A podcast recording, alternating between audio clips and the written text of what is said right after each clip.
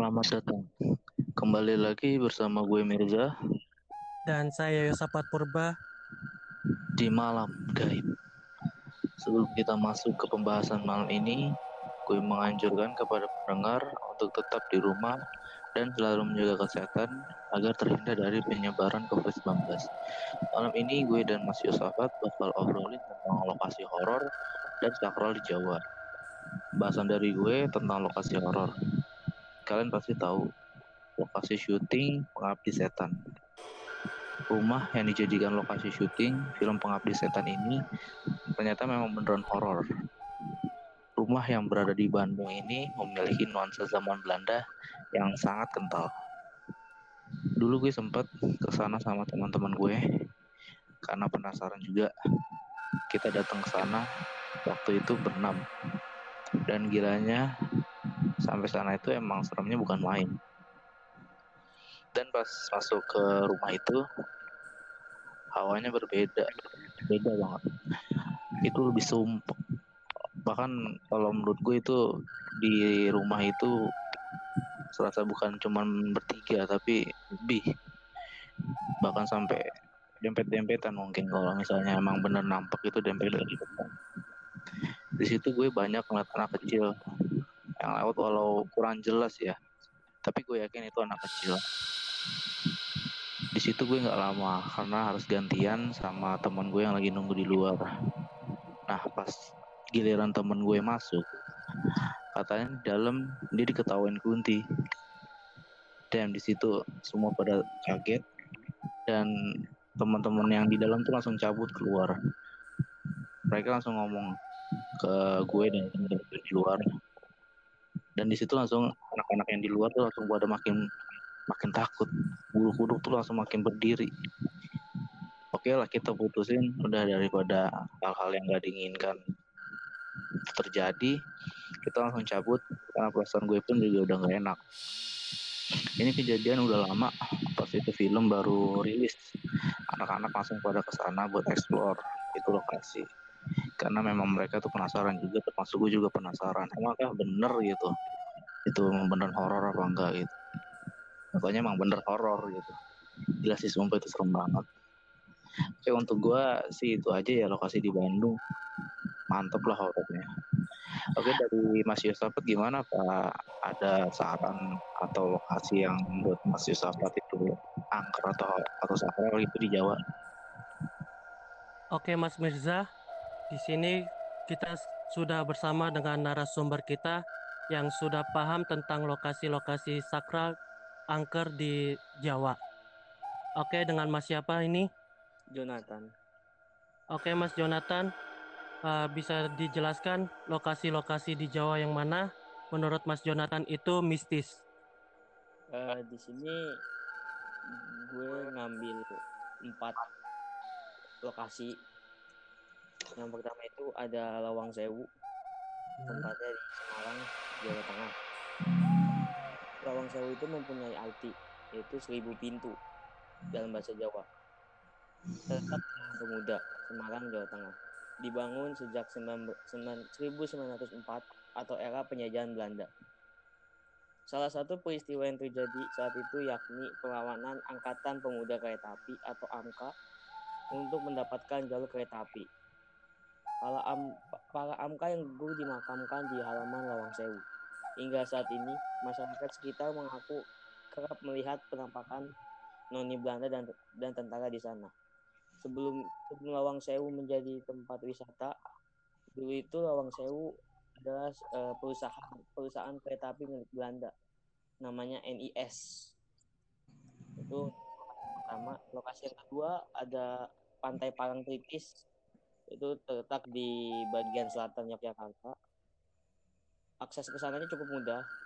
Kamu bisa pokoknya yang namanya pantai bisa eh, buat buat pantai berkeluarga tapi, tapi di balik itu semua Pa- Pantai Parangtritis juga termasuk lokasi yang sangat mistis karena dikenal munculnya penampakan sosok dari Nyi Kidul.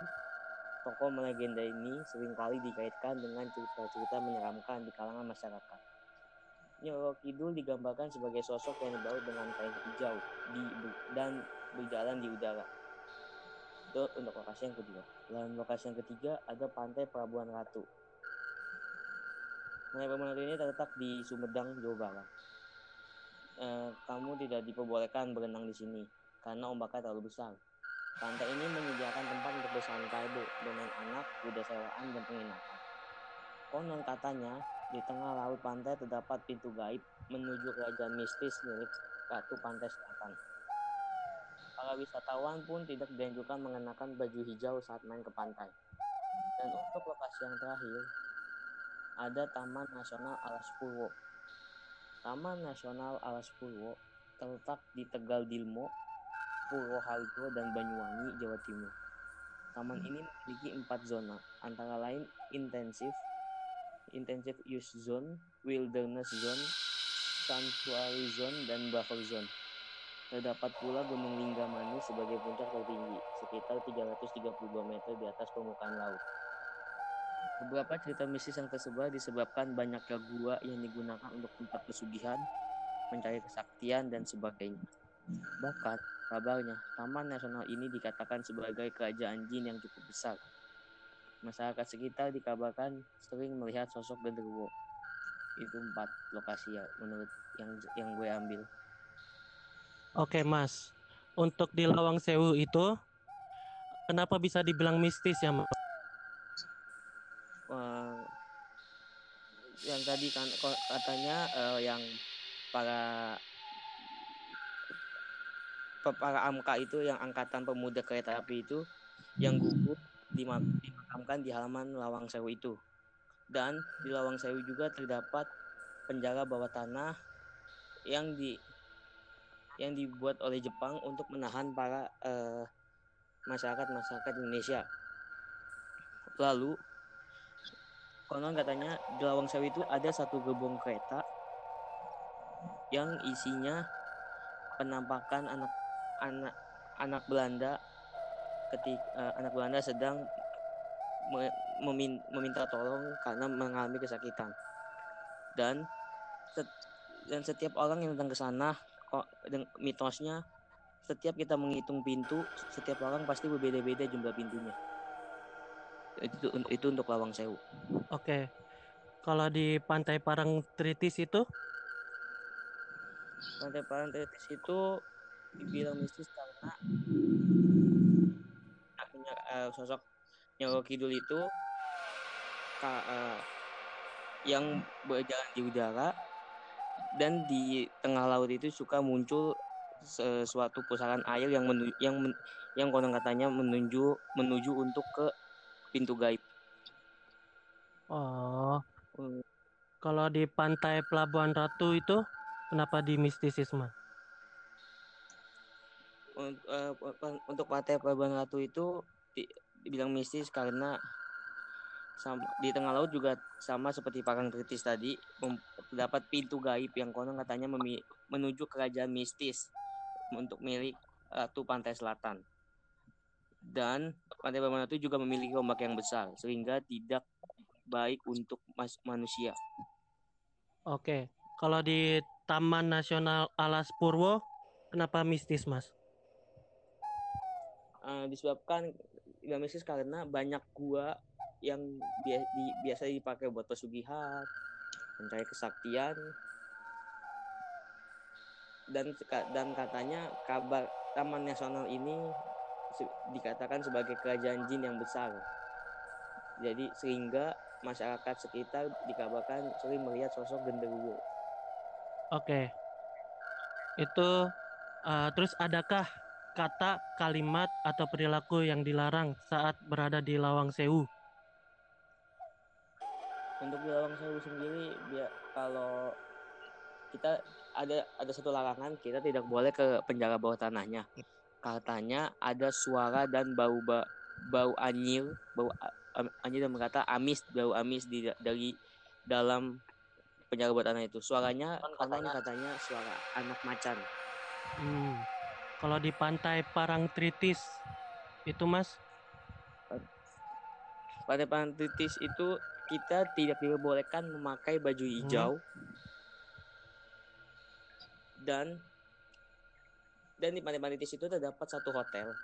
Dan di mana satu hotel itu ada satu kamar yang di sinyal katanya tempatnya Nyi Kidul itu tinggal kamar kamar hotel itu 308 dan itu semua nuansanya hijau sedangkan kamar-kamar yang lain nuansanya warna putih dan coklat tapi di khusus kamar 308 hanya warna hijau Kemudian di pantai Pelabuhan Ratu, adakah larangan di sana, Mas? Untuk di Pelabuhan Ratu juga sama, tidak boleh memakai baju hijau. Karena pantai Ratu dan pantai Parangtritis konon katanya saling berhubungan karena mereka sama-sama mempunyai pintu gaib yang bisa menuju yang bisa menuju ke kerajaan kerajaan pantai selatan. Dan yang terakhir itu Taman Nasional Alas Pulau. Larangannya apa ya, Mas?